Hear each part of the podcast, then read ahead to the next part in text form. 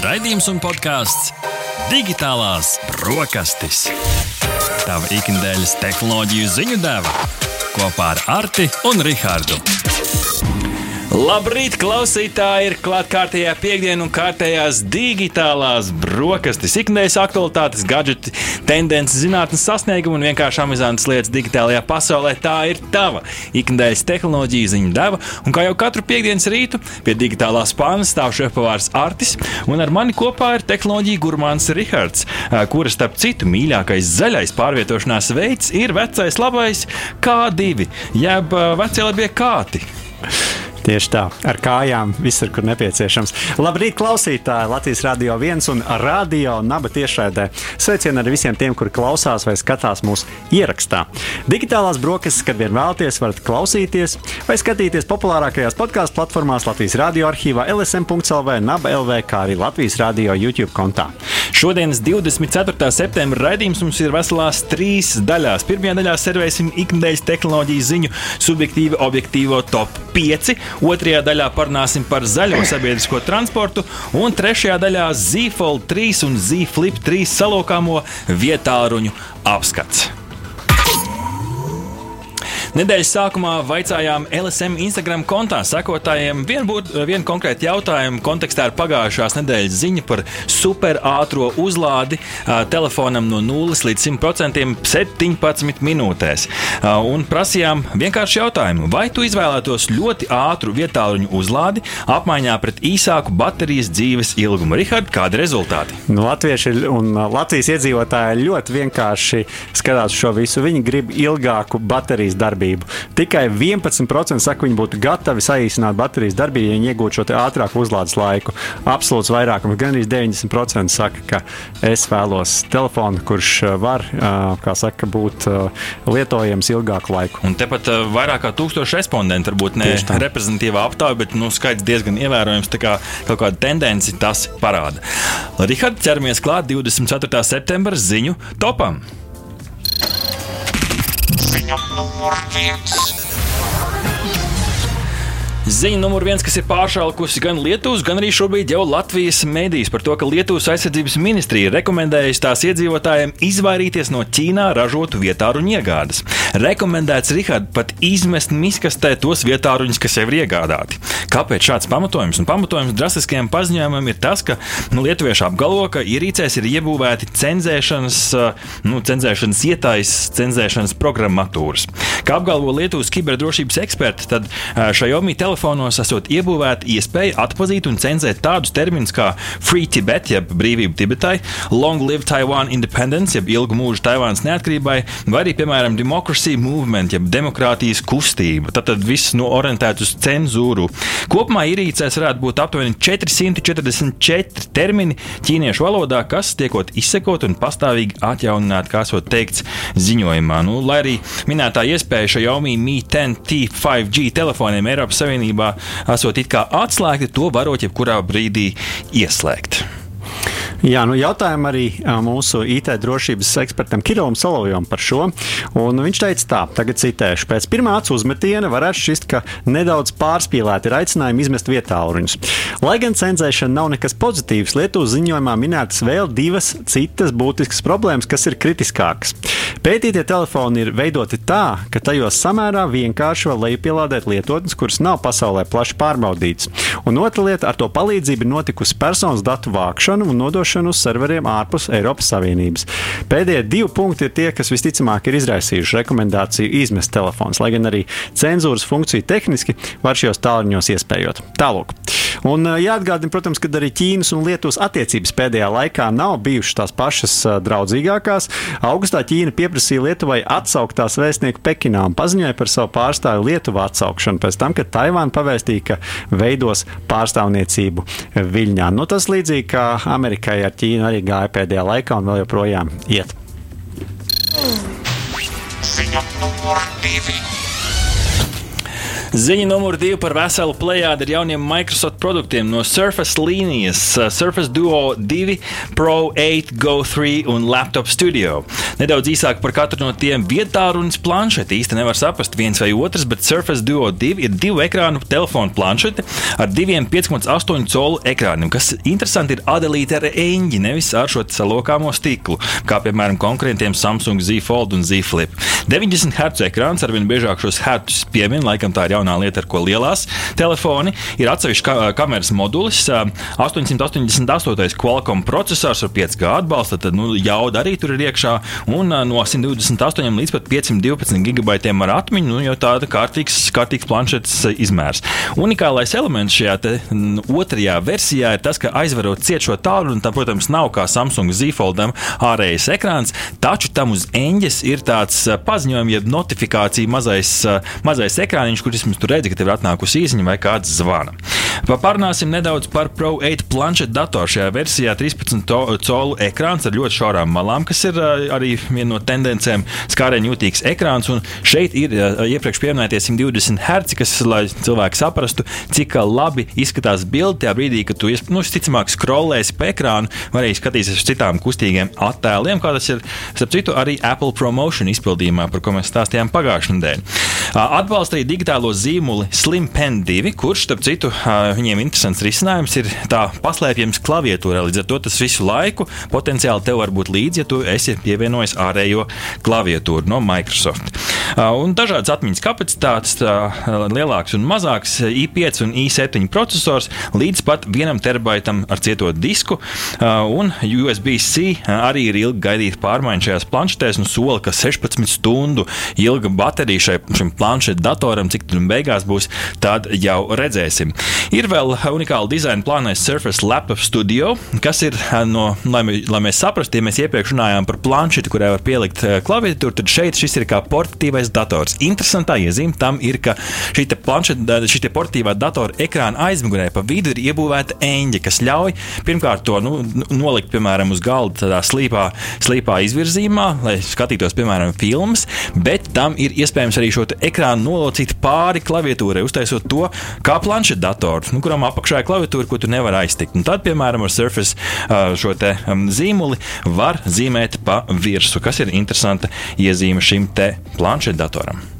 Jā, nu vēl tikai pieminēšu no savas puses, ka šajā te, ekosistēmā, ko piedāvā mums Microsoft, būs iespēja liela uzmanība pievērsta cilvēkiem ar īpašām vajadzībām, kuriem tiek piedāvāti visādi interesanti uzlīmi risinājumi, mm -hmm. kas, piemēram, ļauj cilvēkiem, kuri pamatā lasa braila rakstā, tātad ar tausti, viegli atpazīt, kāds sports tiek, kā saka, ir tas, kurā viņi tūlīt iespraudīs vadu un iespējams arī kādus burtus atpazīt, tā kā tādas foršas uzlīmītas, ko uzlīmēt uz datoru tajās vietās, kur tas ir nepieciešams nepieciešams. Tā kā tā lieliski arī par šo tiek padomāts. Jā, šis ļoti vienkārši, bet patiesībā tas iespējams kādam ir tas, kas maina visas spēles noteikumus un var izmantot ierīci. Tā kā varbūt tas būs kaut kāds jauns trends, ko mēs redzēsim ne tikai uzlīmes, ko uzlīmēt uz automašīnas aizmugurējā stikla, bet arī funkcionāli noderīgas.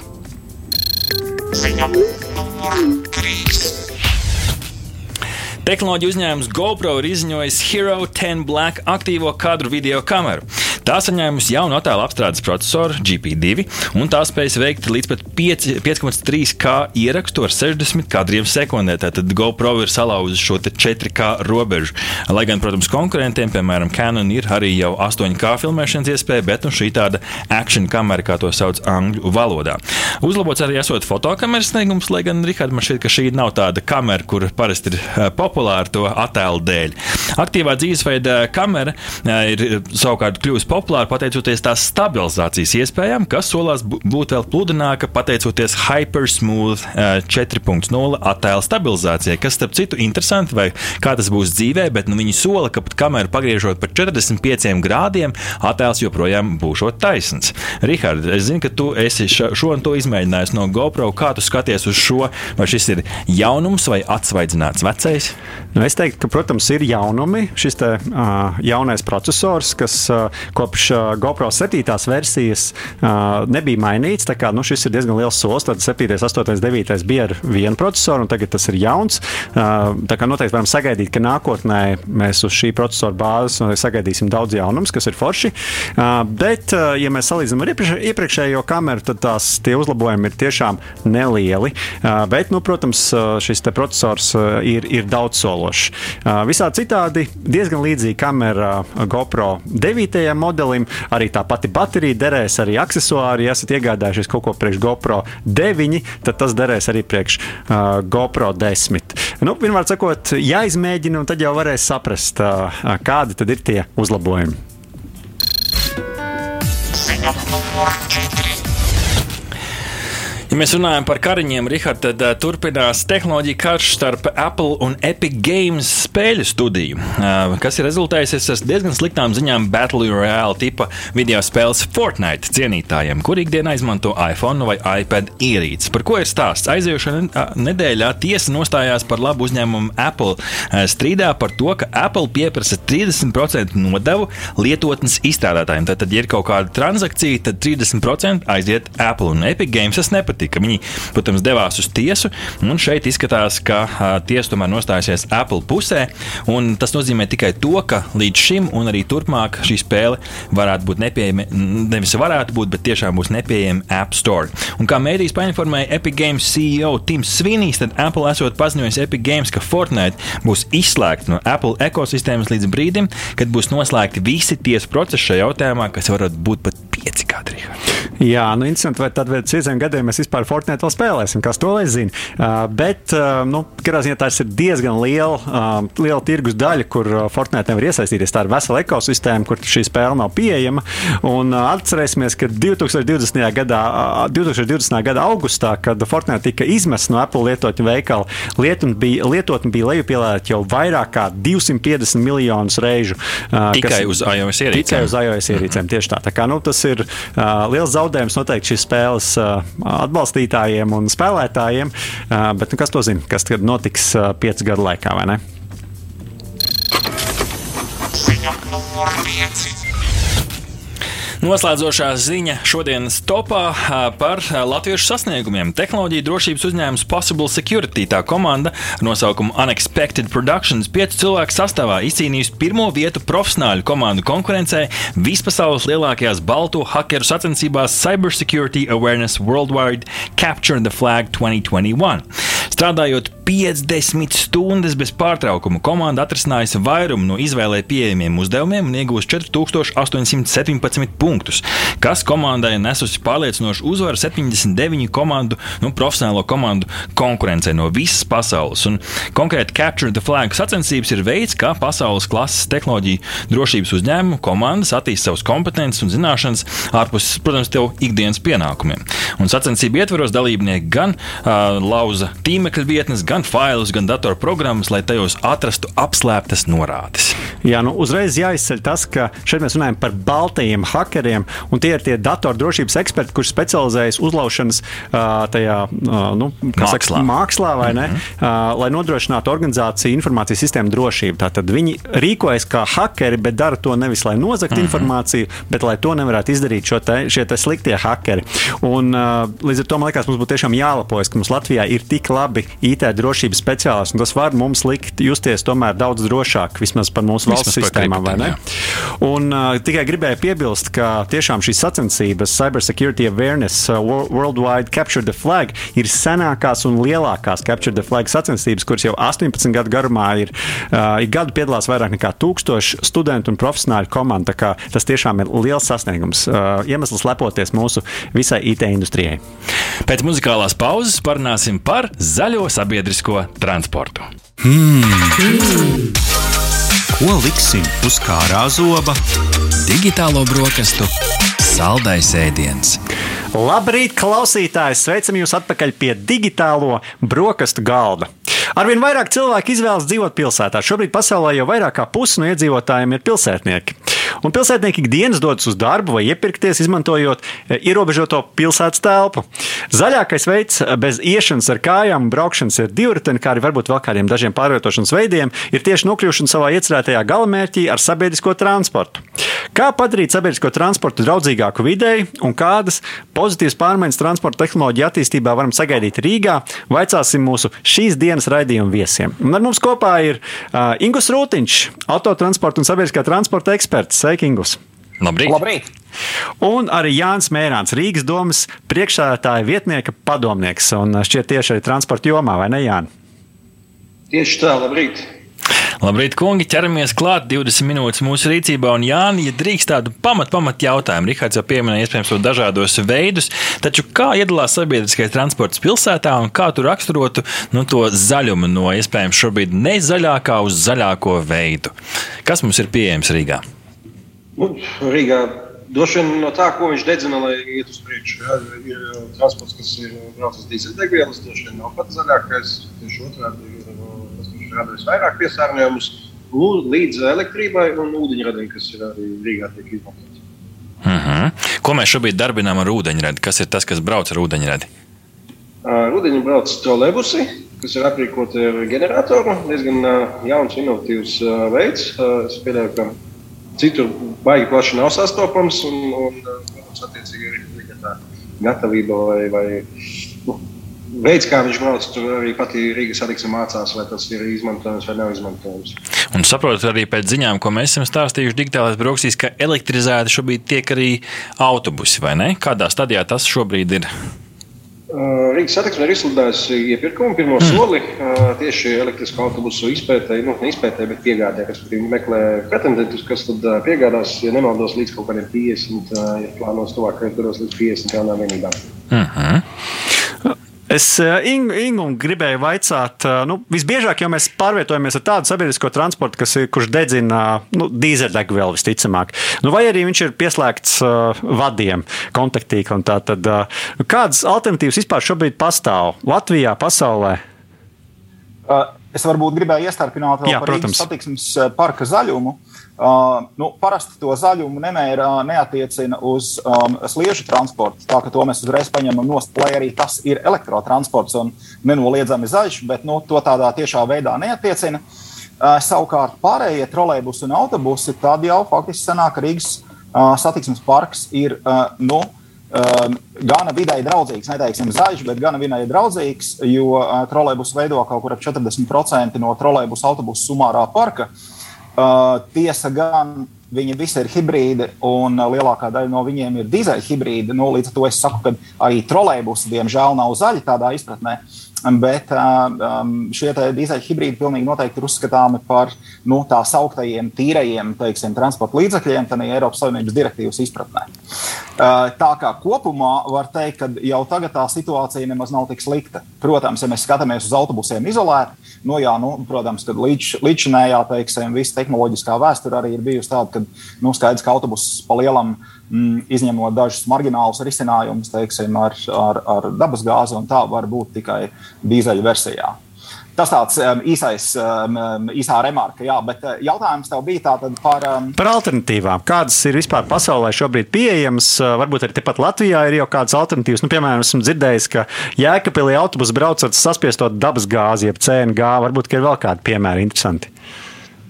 Nu, nu, tie galvenie alternatīvu virzienu, uh, virzieni faktiski ir, nu, varētu teikt, četri. Um, tātad um, vispirms ir uh, hibrīdi, uh, tātad dīzeļelektriski uh, hibrīdi, uh, kas nozīmē to, ka uh, nu, vairumā gadījumu um, tie ir tie saucamie pašuzlādes hibrīdi, kad autobuss tuvojoties pie pieturas, bremzējot, rekuperē enerģiju, uzkrāja uh, vai nu tie ir akumulātori, vai nu tie ir kondensatori, un pēc tam braucot ārā no pieturas kaut kādu zināmu ceļu posmu var veikt tikai elektrorežīmā. Tas būtu viens. Otrs ir CNG autobusi, kas ir dabas gāzes, nu, var teikt, uzkrāšanas sadales veids, saspiestā dabas gāze. Tad jau tālāk ir baterija autobusi un, un ūdeņraža autobusi Pēdējie, abi, abi pēdējie ir uzskatāmi par elektrotehnoloģiju autobusiem, bet uh, ar atšķirīgiem veidiem, kā šī enerģija tiek piegādāta. Tā taisnība, Rihard, mēs arī savulaik testējām vienu šādu ūdeņraža automobīlu. Tur kā jā, uzpildu ūdeņradi, bet patiesībā jau sajūta arī patiesībā kā elektroautomobīlim. Mēs, eh, starp citu, prasījām LSM Instagram eh, stāstos mūsu sekotājiem šeit, eh, šajā kontā, vai tu gribētu, lai Rīgas ielās brauktu vidē draudzīgs sabiedriskais transports. Nu, viens puses, laikam, ir nedaudz naivs jautājums, ņemot vērā pasaules tendences, un šeit man, Rihard, rezultāts nepārsteidz. Kāds bija rezultāts? Jā, nu, protams, no, no tiem, kas atbildēja šo jautājumu, LSM Instagram. 91% saka, ka jā. Un izrādās, ir 9%, kur teica, tomēr, ka nē. Iespējams, ka viņi netrāpīs pareizās pogas, bet, bet varbūt viņi tiešām arī grib pārvietoties ar dīzeļdegvielu. Varbūt viņi dzirdēja šo zaļo dīzeli, kas no vienas puses izklausās pēc tāda laba, laba, laba mārketinga trika. Nu, es nezinu, jāprasa, varbūt šis Jānis, varbūt Ringus var papildināt, ja mēs paskatāmies uz to kopējo Rīgas sabiedriskā transporta autoparku un cik šobrīd, paturot prātā to iepriekšējo definīciju, cik procentu šobrīd mēs varam uzlikt, ka šis ir tīri zaļš, cik zaļš ir autotransporta parks, vai ir kaut kāda šāda statistika apkopota? Statistika ir, bet Ingūns noteikti zinās labāk. Viņam, mm -hmm. viņam tā pieredze tieši ar šo parku būs lielāka. Nu, Ingus jau iezīmēja to sadalījumu aptuveni, bet, bet tad, ja mēs tā pas, paskatāmies no tās definīcijas zaļš, cik daudz mums sanāk ir zaļš, tad tie ir tie trolēbusi vai? Zin Zinām, kā Rikārds, varbūt būtu jārēķina nevis tajā, cik mums ir autobusu skaita vienības, bet cik ir nobraukuma kilometru mm -hmm. Tas, tas būtu tuvāk tam, ko mēs emitējam. Jo nu, skaidrs, ka tas, ka ir 200 autobusu, brauc 10, nu, tas ir divas nesalīdzināmas kategorijas. Mm -hmm. Nobraukums būtu svarīgāks. Man liekas, ka tur autobusus gan ir, gan ir līderis, bet to var nokomentēt labāk uh, Ingus. Jā, nu, kopumā, kā jau es teicu, eh, mēs varam uzskatīt um, visus trolēļus par, um, um, par tīrajiem transporta līdzekļiem, kas ir nosacīti zaļi. Viņi nav nulles emisiju, tā iemesla dēļ, ka viņiem ir dīzeļģeneratori. Uh, drusku vairāk kā pusē no trolēļusiem. Nu, tā tad uh, par pilnīgi, pilnīgi nulles emisijām ir uzskatāmi tikai tie trolēļus, kas nav kas brauc no kontaktīkla, plus tie desmit ūdeņraža trolēļbusi, Eh, kuri ir nesen, eh, nesen iegādāti un palaisti eksploatācijā. Nu, kas summāri nozīmē to, ka nu, rupi varētu teikt, mazāk kā 20% no autobusu un trolēļbusu summārā parka Rīgas satiksmē varētu tikt uzskatīti par pilnībā nulles emisijas šobrīd. Jo būtībā jau trolēļbus uh, nu, visādā ziņā, no, no izgatavošanas, no, no, no eksploatācijas viedokļa, tāds pats autobuss vien ir tikai uh, savādāk saņemt šo enerģiju. Tā kā drusku zem 20%. Bet eh, to, ko es gribēju piekomentēt, ka um, visu laiku vajag saglabāt to, to nu, skatījumu uz mērķi, kad, ko mēs gribam sasniegt. Un, un ja mēs runājam par tām, par tām emisijām, tad droši vien, ja cilvēkam vidējiem uz ielas pajautā teiksim, šādu jautājumu, vai tu gribi, lai Rīgas satiksme visi brauktu ar elektroautobusiem, nu, visi, kas būs kaut ko dzirdējuši par elektrotransportu, visticamāk, kad kratīs ar galvu un ar abām rokām būs par. Bet te gan būtu jāņem vērā, ka sen ir pagājis tas laiks, kad nu, Rīgas satiksmes autobusu parks saistījās ar kūpošiem dīzeļiem. Tas laiks ir ārkārtīgi sen pagājis. Un tie dīzeļu autobusi, kas brauc šobrīd, lai arī viņi ir, um, nu, viņu dzīves cikls, teiksim, tā um, strauji tuvojās beigām, uh, tie ir ļoti tīri um, ja mēs runājam nu, par to tehnoloģiju, ļoti tīri dīzeļa autobusi. Um, viena liela daļa ar uh, emisiju, tātad cieto daļiņu filtriem, ar um, AdBlue sistēmām, kas uh, sašķeļ uh, sliktos slāpekļu oksīdus un tam līdzīgi. Uh, kas, um, kas um, principā nozīmē to, ka uh, Rīgas satiksmes autobuss vidēji ir uh, N reizes vidēji draudzīgāks par uh, visu to milzīgo skaitu um, privāta autotransporta, kas par Rīgu mums pabrauc garām ar nu, dažiem dažādiem tehnoloģiskajiem uzlabojumiem, par kuriem es tagad uh, ne, netērēšu laiku. Uh, tā kā uh, viss ir nosacīti, viss, mm -hmm. viss ir. Uh, kā saka, mēs eh, dzīvi iepazīstam salīdzinot. Un pie tam klausītājiem ir jāatcerās, ka ar to vienu autobusu pārvietojas liels skaits cilvēku. Nevis tā kā tajā vienā mašīnā, kurā visbiežāk sēž viens cilvēks iekšā. Tas jau vien ir uh, liels iegūms no šīs dabai draudzīgākas pārvietošanās uh, aspekta. Bet es arī Ingūram gribēju pavaicāt tālāk, kas ir tie lielākie izaicinājumi Rīgā no infrastruktūras, tās tehnoloģiskās perspektīvas. Vai vispār mēs esam gatavi elektro un ūdeņraža spēkratiem? Nu, piemēram, tā uzpildes stacija ūdeņradim tikai viena. Nu, mēs esam iepriekš jau runājuši, ka tās uzlādes stacijas arī ir. Nu, gan, gan tādas resursu ietilpīgas, un tad vai tur tie tīkli ir gatavi tādai jaudai, vai, vai mēs esam gatavi no šī aspekta? Uh, īsts komentārs vēl par tavu iepriekšējo uh, tēmu, um, respektīvi par to, ka autobusā brauc lielāks cilvēku skaits nekā vienā pasažieru automobīlī. Tad, uh, ja mēs to um, rēķinām, teiksim, emisiju apjomu, ko uh, viens pasažieris nu, nosacīti saražo uz vienu kilometru braucot autobusā vai vieglajā pasažieru automobīlī, tad pasažieru automobīlī viens pasažieris saražo apmēram nu, 5-7 reizes vairāk emisiju, pārēķinot uz vienu kilometru un to nobrauktu attālumu pilsētā, nekā, ja viņš to pašu darītu satiksmes autobusā. Nu, tā, tas tāds īsts salīdzinājums, ka, protams, tādā ziņā sabiedriskais transports ir nesalīdzināmi eh, zaļāks, draudzīgāks, un pat ja viņš joprojām kurās ar dīzeļmotoru. Bet um, jā, par, tām, par tām tehnoloģiskajām iespējām, nu, mm, ar tehnoloģijām vispār ir tā, ka uh, mēs šobrīd dzīvojam pasaulē, kad vairs nav viena tehnoloģija visam.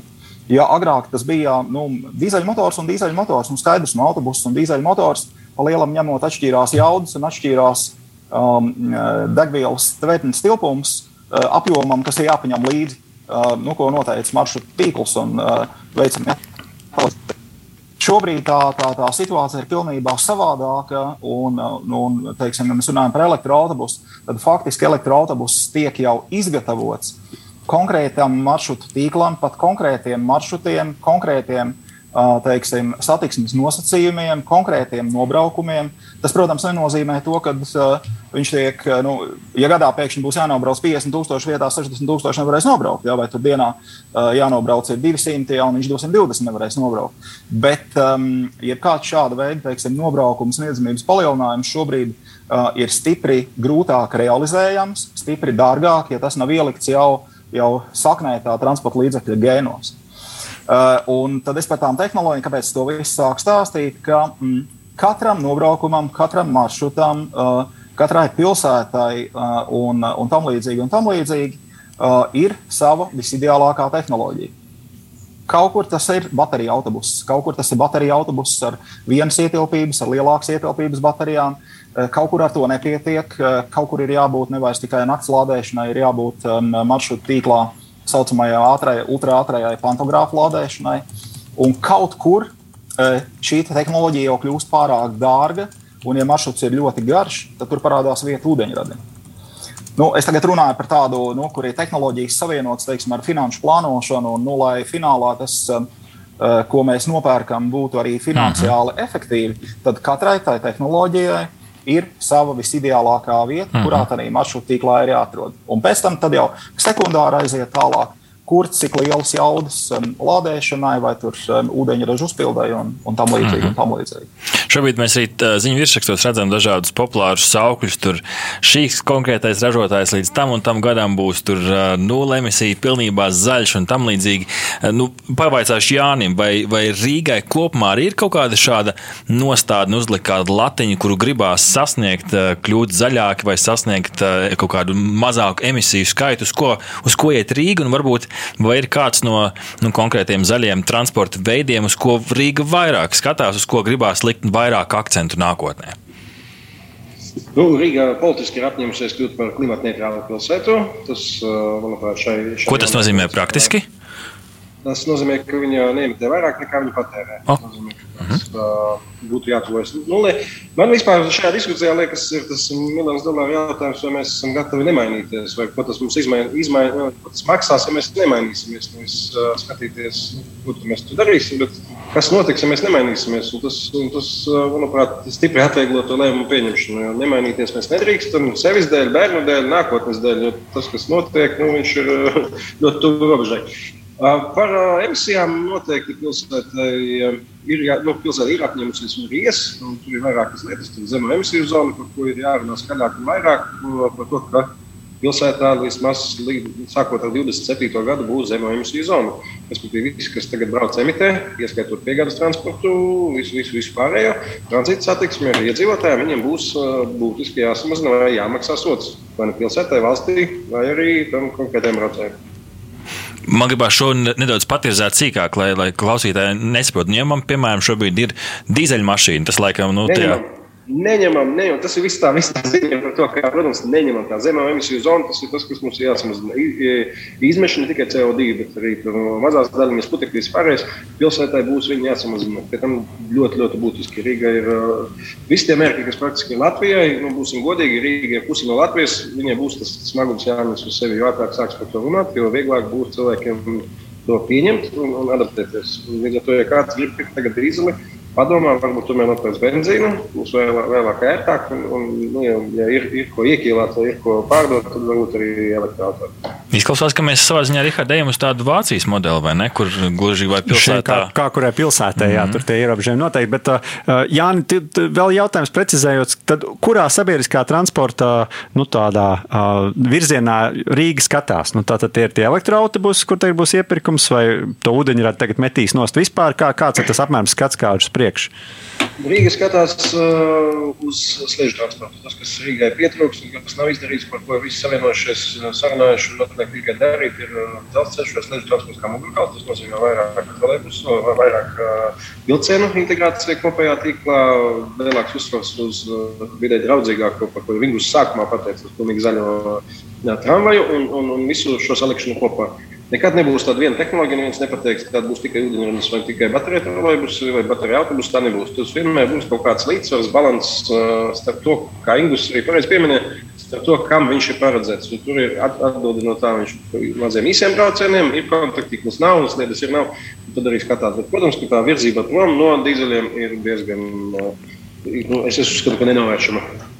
Es šodien ļaušos tādam fantāzijas lidojumam un redzot to, ka Rīgas ielās ir daudz elektroskrējriteņu.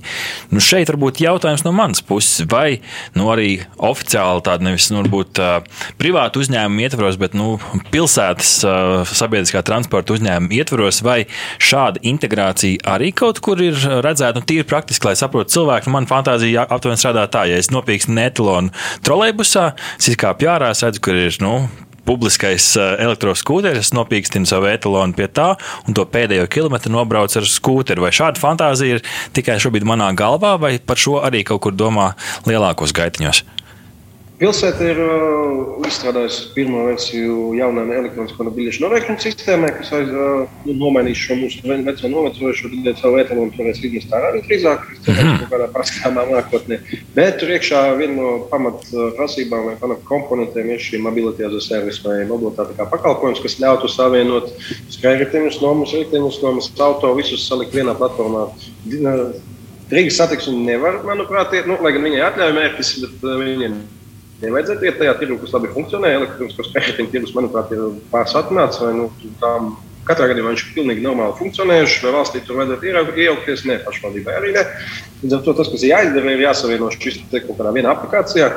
Vīnes piemērs, kaut vai Google Maps, jā, tu attaisot, tu vari izvēlēties visus, sākot no sabiedriskā transporta līdz pat savam skūterim un, un, un nomāt no velospēdu. Nu, noklikšķināt, un to vienu klikšķi dabūt šī, tas jābūt Rīga 23. gadā 27. noteikti. Gribēju, aprunājāmies jau par to, kas tad ir tie galvenie iegūmi no bateriju transporta un kādi ir varbūt no tām ūdeņraža tehnoloģijām, bet gribu pavaicāt, vai vādu sabiedriskajam transportam ir nākotne, Ingu, vai, vai mēs atsakamies lēnām no vadiem un pārējiem uz baterijām, vai tomēr mēs paliekam pie tā lielā kontaktīkla, kur kādam varbūt tās ir jāurb mājā iekšā, vai vēl kaut kas jādara, vai vadi paliks mums Rīgā? Jā, nu tas, tas ir tāds baisais jautājums, man liekas, uz kuru šobrīd ir uh, jebkam grūti atbildēt.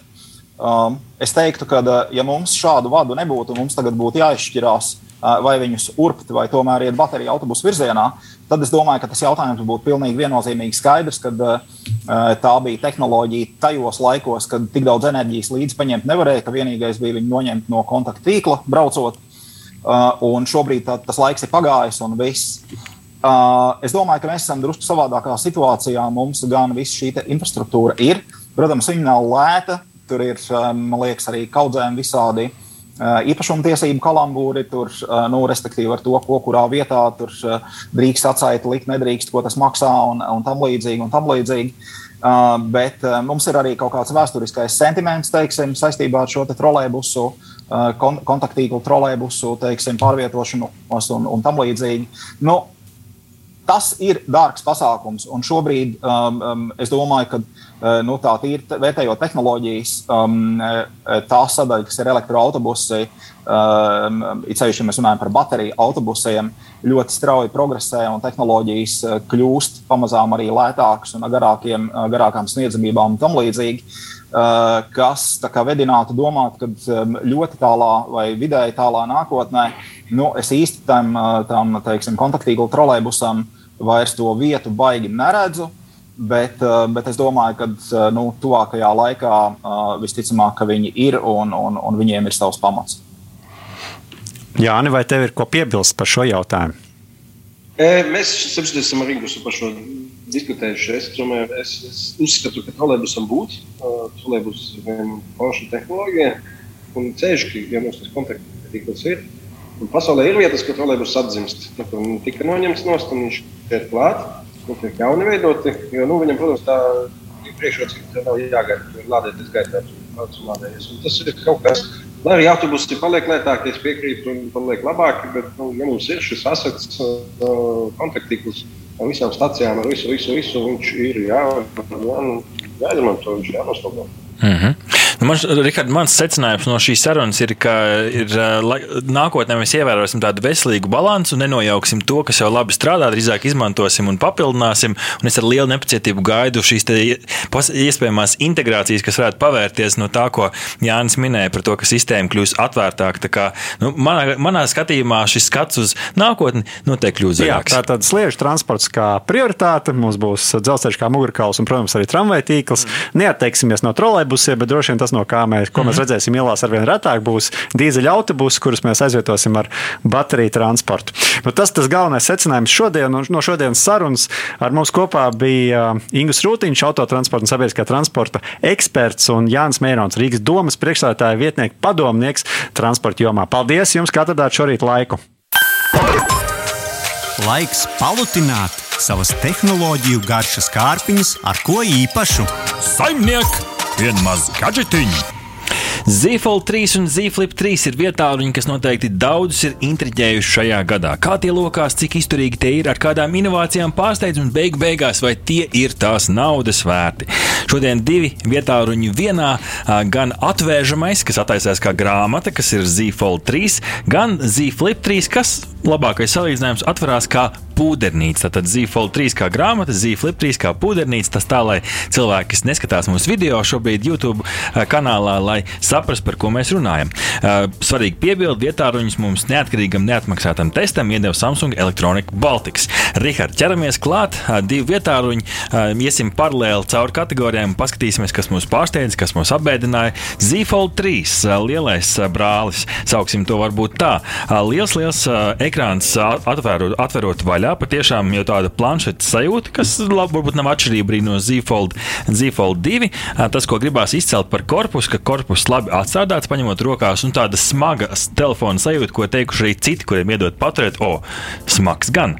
Un, protams, arī pamatojums, jo tam ir alumīnija korpus, izturīgs, izskatās diezgan prēmijum, un tā sajūta arī ir diezgan augstas, augstas klases. Jā, eņģe varbūt kādu milimetru mazāka, bet tā vairs acīs nekrīt, iespējams, tāpēc, ka jau tas vairs nav jaunums. Un pirmā reakcija, kas vēl ir, nu, viens ir tas, kas smags, otrs, ka bies, un tā ir interesanti skatīties, cilvēku paņem rokās un tā vārgi, vārgi, vārgi ver vaļā. Kad tik tas ekrāns nepārplīst, nu, viss kārtībā, nepārplīst divu nedēļu testa laikā. Melns, zaļš, sudrabots tādās krāsās tas nāk, un varot arī iegremdēt saldūdenī, to gan mēs nemēģinājām IPX8 izturību. Rihard, kā tavs atveramais tālrunis? Jā, jā, tas ir atveramais, atvērts savāžamais. Nu, tie, kas atcerās senos laikus, kad bija lielākais vairums mobilo telefonu, bija atverama, tad sajūta ir līdzīga. Es pat teiktu, nedaudz nostalģiska. Uh, un, uh, ja mēs runājam par izskatu un korpusu, tad patiesībā dizains un izskats ir šī telefona galvenais trumpis. Par pārējo mēs vēl parunāsim, bet, ja jūs gribat tiešām izskatīgu un interesantu telefonu, tad tas ir šis. Arī materiāls, stikls, metāls un plastika. Un beidz beidzot varam teikt par šo telefonu, ka tas nav salaukāms telefons, kurš cenšas būt kā normāls telefons, bet šis jau ir normāls telefons, kurš tā skaitā ir arī salokāms. Un, nu, jā, var pieminēt tikai to, ka līdzīgi kā jau Arta pieminētajam Fold telefonam, šim arī ir IPX8 un līdz pat 30 mhm. minūtēm var atrasties 1,5 metru dziļumā. Un tas X ir nozīmē to, ka smiltīs gan labāk nelikt, jo putekļi ir šī telefona kriptonīts. Parunāsim par ekrānu. Ekrāns Foldam, jeb lieliem brālim, 6,2 colis priekšā, 7,6 colis lielais ekrāns. Nu, tās colis var būt tādas mānīgas, jo tie nestandarta izmēri. Man gribās, ja kaut kur ir jāpiesienās ekrānam, es tomēr vēl piesiešos priekšējiem ekrānam. Liels, smuks, krāsains, atjaunojās kā vēlns, taču tajā brīdī, kad jāraksta īsiņas, tad sākās problēmas. Un tā nav tikai mana problēma, es iedevu arī pārbaudīt cilvēkiem ar mazākiem īkšķīšiem, un tajā brīdī, kad jāraksta ziņas, nu, īsas ziņas uzrakstīt var, garāku ziņu laikā tas šaurais ekrāns sāk traucēt, jo tu sāc rakstīt nu, nepareizos burtus, tad jādzēš tad vienkārši gribās atvērt vaļā to telefonu. Priekšējais ekrāns izturīgs, Gorilla Glass Victus. Iekšējais ekrāns nu, grūti novērtēt, jo es nekad neticu šiem mārketinga cipariem, cik tur procentu izturīgāks. Un tā vienā no YouTube kanāliem, ko skatījāmies, tur testēja izturību ar nagu iebrauc ekrānā, un tas skrāpējums tur arī palika. Jā, nu, manā gadījumā Dynamic AMOLED ekrāns, lielais, lielais ekrāns 6,7 colis, mazais 1,9 colis. Nu, es teiktu tā, ka mazais ekrāns pilda zināmā mērā tādu dizaina funkciju, bet vienlaikus jāsaka, ka no lietojamības viedokļa tas, protams, ir daudz pilnvērtīgāks nekā iepriekšējā paudzes telefonam. Un, nu, jāsaka arī, ka ekrāns ir ievērojami spožāks nekā iepriekšējās paudzes telefonam. Līdz ar to es teiktu, ka viņš jau ir kļuvis lietojams arī uh, spilgts saules apstākļos.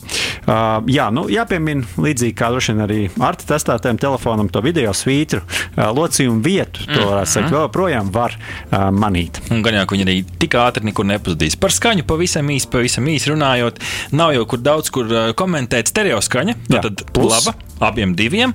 Uh, šim te fold tālrunim, kas ir interesanti, ka skaļrunis ir nu, vienā no pusēm, līdz ar to, ja tu pareizi viņu turi, to ar plaukstām neesēdz. Kas ir interesanti tavā gadījumā? Nu, jā, man ir telefons mazāk, līdz ar to tā aizsekšanas iespēja ir daudz lielāka, bet kopumā prieski ir stereo skaņa. Protams, mūzikas klausīšanai vienkārši no šī skaļruna tas nebūs labākais risinājums, bet uh, priekš seriāla skatīšanās gan pietiekami. Nu, jā, Klusā meža būdiņā violīti paklausīsies. Audio džeks abiem telefoniem nav. Kamera. Šeit uh, kamera ir kategorija, kur noteikti var salīdzināt vairāk arī ar citiem vietāluņiem, jo citādāk nu, viņi paši savā kastītē grūti mums pieminēt kādus konkurentus. Nu, šeit kameras uh, kvalitāte, es teiktu, ir labāka nekā pikseļi. Mēs jau pagājušajā intervijā, kad runājām par tālruņiem, noskaidrojām, ka pikseļi nevienmēr nozīmē visu. Vismaz Fold gadījumā labā apgaismojumā pa dienu krāsu kompozīcija ļoti laba, bet šeit ir Richard, jautājums, cik daudz kamera, cik daudz mākslīgais intelekts. Noteikti arī video materiāli uh, iepriecināja vismaz mani. Nu, tādos kontrolētos apstākļos bija labi. Nu, nakts gaismā un tumsā nu, tur var, var trāpīties, var netrāpīties. Tā iekšējā selfija kamera nu, nekam nav vērta. Selfijas netaisiet, varbūt video zvaniem vienīgi. Ja to mans vērtējums nu, ir, ir forši, ka tā kamera ir paslēpta, varbūt arī ņemam ārā pavisam. Jā, nu, es varu pilnībā piekrist Artim. Principā man tā situācija ir ļoti līdzīga šim te flip telefonam. Vienīgais, ko es piebild, piebildīšu, kas bija tāda interesanta neliela nianse, bija tas, ka, ja uzņemam bildi ar, sel, ar galveno kameru, bet aizlocītā veidā, tā bilde veidojas četrkantīgi. Nevis tā kā mēs esam pieraduši. Tā kā tāds specifiska lieta tieši šim telefonam. Visādi citādi, principā, pilnībā piekrītam, kā Kārts teica arī par šo telefonu. Processors un jauda. Nu šeit man Man ir grūti eh, šobrīd nokomentēt, jo es nezinu, vai tā ir visiem, bet konkrēti tam telefonam, ko es testēju, 888 Snapdragon 8 kodola processors, 12 GB RAM, uz papīra izklausās ļoti labi. Bet vienā brīdī es nesapratu, kur ir vaina. Vai konkrētais modulis bija nu, varbūt nedaudz ar defektu, vai viņš cīnījās ar tām programmām. Kas notika? Strādāja ar programmu uz priekšējā ekrāna, atver vaļā lielu ekrānu, un tur viens, viens tāds ir par to, ka šīs lietotnes nemāk uzvesties un vienkārši ir neproporcionāls, nevar uzspiest pogus un tam līdzīgi. Labi, varbūt lietotņu vaina, bet vienā brīdī Rihards sāka pamanīt, ka tās lietotnes sāk, nu, tāds, nu, varbūt pat sarunu valodas vārds glučīt, nu, nestrādāt kā tām vajag. Uh, es nezinu, kā, kā citādāk pateikt. Vienā brīdī tu raksti, tev tie burti neiet virsū, vienā brīdī spēle iesprūst. Nezinu, grūti pateikt. Es nevaru attiecināt noteikti uz visu, varbūt konkrētais modelis, jo nu, pēc, pēc uh, cipariem vajadzētu būt jaudīgam un nevajadzētu šādi te raustīties. Jā, nu attiecībā uz parametriem var teikt, ka atšķirībā no tavējā uh, telefona, kuram ir 12 gigabaita operatīva atmiņa, manējiem ir tikai 8 gigabaiti, bet visā citādi es varu piekrist. Es teiktu, ka kopumā manējais strādāja pieklājīgi. Un, protams, ir šie brāķi uz attiecībā uz atsevišķu lietotņu pielāgošanos šim nestandarta ekrānam, jo ekrāns ir nedaudz izstiepts. Līdz ar to atsevišķos gadījumos pazuda kādas pogas, kurām tur vajadzētu būt dēļ šīs ekrāna proporcijas, varbūt vēl kādas nelielas nianses. Bet nu, nevarētu teikt, ka es ļoti bieži ar to saskāros, bet tāda lieta pastāv. Ir, protams, atsevišķas lietotnes, kuras ir lieliski pielāgotas šim salokājuma ekrānam, nu, piemēram, piemēram, YouTube vai arī teiksim, fotogalerijas lietotne.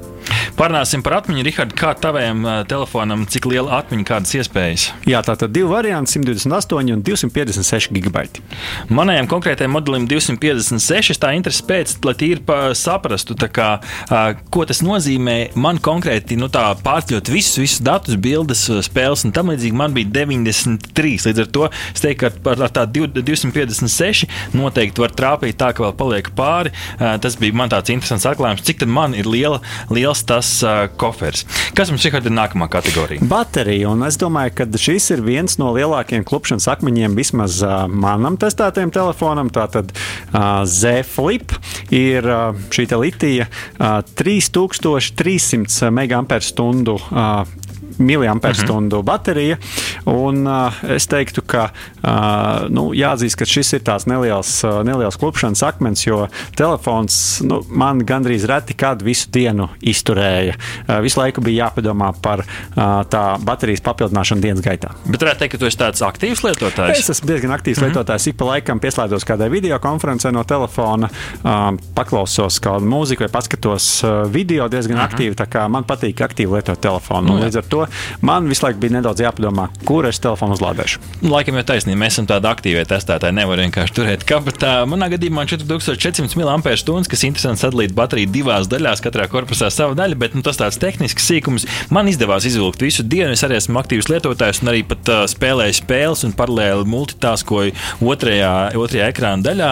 Izdevās to dienu izvilkt, varbūt tas ir kaut kāds rādītājs, laikam arī tie miliampēri, jo vairāk, jo labāk. Fast charging 25 vati. Nu, grūti to nosaukt par fast charging, redzot, cik ātri ir potenciālās iespējas nākotnē. Nu, no 0 līdz 100, 1,5 stundas. Nu, tas man gan nešķiet ātri. Taču laba piezīme šim abiem tālruņiem ir reverse wireless charging. Tas nozīmē, ja tev ir ekosistēmas, piemēram, austiņas, tu uzliec to kastīti uz telefona aizmugures, un tu iespējams pat vari dabūt kādu stundu vairāk austiņām klāt. Šī ir būtiska piezīme.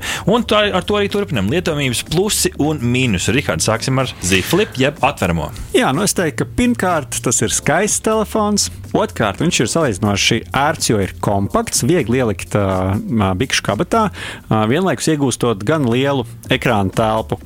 Uh, ja mēs runājam par mīnusiem, es teiktu, galvenā, galvenais mīnus ir baterijas darbības laiks. Nu, tā tad visu dienu es nevarēju ar šo telefonu, uh, kā saka, darbināt bez uzlādes. Un uh, es teiktu, ka nav pielāgotas šīs lietotnes, uh, nereti gadās kāda kļūme. Un jāatzīst, ka arī pēc testēšanas es jau pamanīju kādu švīkus korpusiņā, tad uh, pirkstu nospiedumi arī diezgan viegli uz tā paliek. Z-Fold 3 ir lielais brālis, lielais atveramais telefons. Nu, atlocīšana ir divu roku darbs, varbūt mazs mīnus, bet nu, tomēr priekšējais ekrāns, kā jau minēju, bieži vien nepriecīgs tādiem maziem darbiem. Jā, varbūt, tā, varbūt tas pat kādam ir bonus un negribēsies tik ilgi sēdēt. Bet, nu, jā. Runājot par S-Pen, es arī to izmēģināju šī vietā. Ruņa. Es teikšu, ka bez S-Pen zūd liela daļa burvības. Taču runā, runājot par S-Pen lietošanu, šeit eh, es to esmu ielicis arī pie mīnusiem, diemžēl, jo kamera ir šis te, eh, telefonam ir kameras izvirzījums. Un eh, tas, ko rada apskatos, nu, tas, kam, tas eh, telefons par to galdu danco. Štuns it kā par to, taču tajā brīdī, kad tu raksti ar šo īrbuli, šis telefons tomēr nedaudz, nedaudz vibrē. Tas, ko gribās automātiski darīt, ir ar vienu roku to pieturēt. Nu, man var būt lieli pirksti, bet bieži vien sanāca trāpīt kaut kur ne tur uz ekrāna. Vienā brīdī arī kaut kādi digitālie klekši parādījās no rokas, no šīs plaukstas apakšējās daļas uz ekrāna. Varbūt kaut kāda mana vaina, bet nu, nebija tik rožaini, kā man šķita, kā ar šo digitālo zīmolu varētu būt. Tas varbūt vairāk par tām lietām, pie kurām vajadzētu piestrādāt, bet nu, tomēr nevar tomēr pazaudēt arī tos plusus. Fantastiska darbība uz lielā ekrāna, divas vai pat trīs programmas. Reti, ka trīs, bet biežāk tās divas sanāca izmantot kaut ko skatoties vai rakstot vai tam līdzīgi. Nu, tur cepuri nost pats savā kategorijā šis tālrunis ir patīkami. Pārsteidz arī, kā minēja, kameras kvalitāte. Līdz ar to pikseli nevienmēr raksturo visu. Ļoti ātri atslēdzas lock screens kopā ar face recognition tehnoloģiju. Un pats S Pen, neskatoties uz to, ka tā rakstīšanas pieredze varbūt varbūt nav pati ideālākā, ir ļoti responsīvs un pat sajūt spiedienu stiprumu. Cenu mēs eh, konkrēti šeit ētrā neminēsim, bet es teikšu, ka nu, es redzot to, to pieredzi, kas ir, es teikšu, manā pusē neadekvāti augsta. Turpat nu, sniedzās līdz pat tādai kārtīgai studiju maksai par vienu gadu. Jā, nu, šajā gadījumā flip telefons ir nu, nedaudz lētāks. Tur mm -hmm. visu gadu par to naudu nevarēs Teiksim studēt. tā, ka viņš ir tādā standarta flagmaņa. Jā, tieši tā. Un, un, nu, līdz ar to tā cena ir pieņemamāka. Un līdz ar to tiem cilvēkiem, kuriem gribās lietot kaut kādu jaunu tehnoloģiju, kuru sasniedz tās tehnoloģijas, tehnoloģiskās virsotnes, jo šo ekrānu var salocīt, nu, tad eh, tas ir kaut kas jau, ko var mēģināt arī uh, iegādāties. Bet nu, tiešām šis telefons piemērots tiem, kuri grib izmēģināt kaut ko jaunu un savā ziņā arī nu, nedaudz uh, izrādīties citiem, ka viņiem ir šāds interesants un arī skaists telefons. Es dzirdēju, ka rezumē tu jau iedevi par sevi. Mans rezumē par Zīfold 3, jā, par Zīfold 2 ir vairākas reizes labāks dažādās kategorijās, bet nu, tas naudas un uh, pieredzes iegūms vismaz divu nedēļu testa ietvaros es nu, šobrīd neatsveru. Varbūt ilgāk lietojot, tu pierodi, to vēl laiks iespējams rādīs. Kam šis telefons ir ideāls? Produktivitātes entuziastiem, kuriem vajag divas programmas vieto, lietot vienlaikus uz ekrāna, vai arī mobilo video baudītājiem, kuriem vienkārši lielāks ekrāns nav par rokai, un, protams, ar biezāku maciņu. Rezumē par telefoniem ar īkšķi, es teikšu no manas puses, bez S-Pen par Zīfold 3 es lieku pa vidu, un ar S-Pen gandrīz augšā līdz īkšķim augšā neaiz neaizsniedzās. Jā, nu, es savukārt teikšu tā, ka šis telefons ir Flip 3. Jā, jā par Z Flip 3. Uh, telefons skaists, uh, dizains labs, bet nu, tā funkcionalitāte vēl nav tik liela, kā varētu gribēties. Līdz ar to uh, telefonu baudītājiem uh, īkšķis gandrīz augšā. Rihard, kas mums plānā uz nākamo nedēļu? Klausītāji, esiet kopā mums arī pēc nedēļas, kad kā ierasts iepazīstināsim jūs ar tehnoloģiju jaunumiem. Kā arī ar ekspertiem runāsim par iespējām, ko pie mums Latvijā piedāvā dažādi ideju attīstīšanas inkubatori un tā skaitā arī uh, dziļajā zinātnē, jeb deep tech. Paldies, ka mielojāties kopā ar mums. Mūzikas redaktors Girts Bišs, prežģīs pults Arnolds Auziņš, raidījumu veidoja radionāba autori Artis Ozoliņš un Rihards Blēse speciāli Latvijas Radio 1. Tu klausījies digitālās brokastis. Katru piekdienu no 10 līdz 11. Arī podkāstu formātā populārākajās platformās. Digitālās brokastis. Tava ikdienas tehnoloģiju ziņu deva.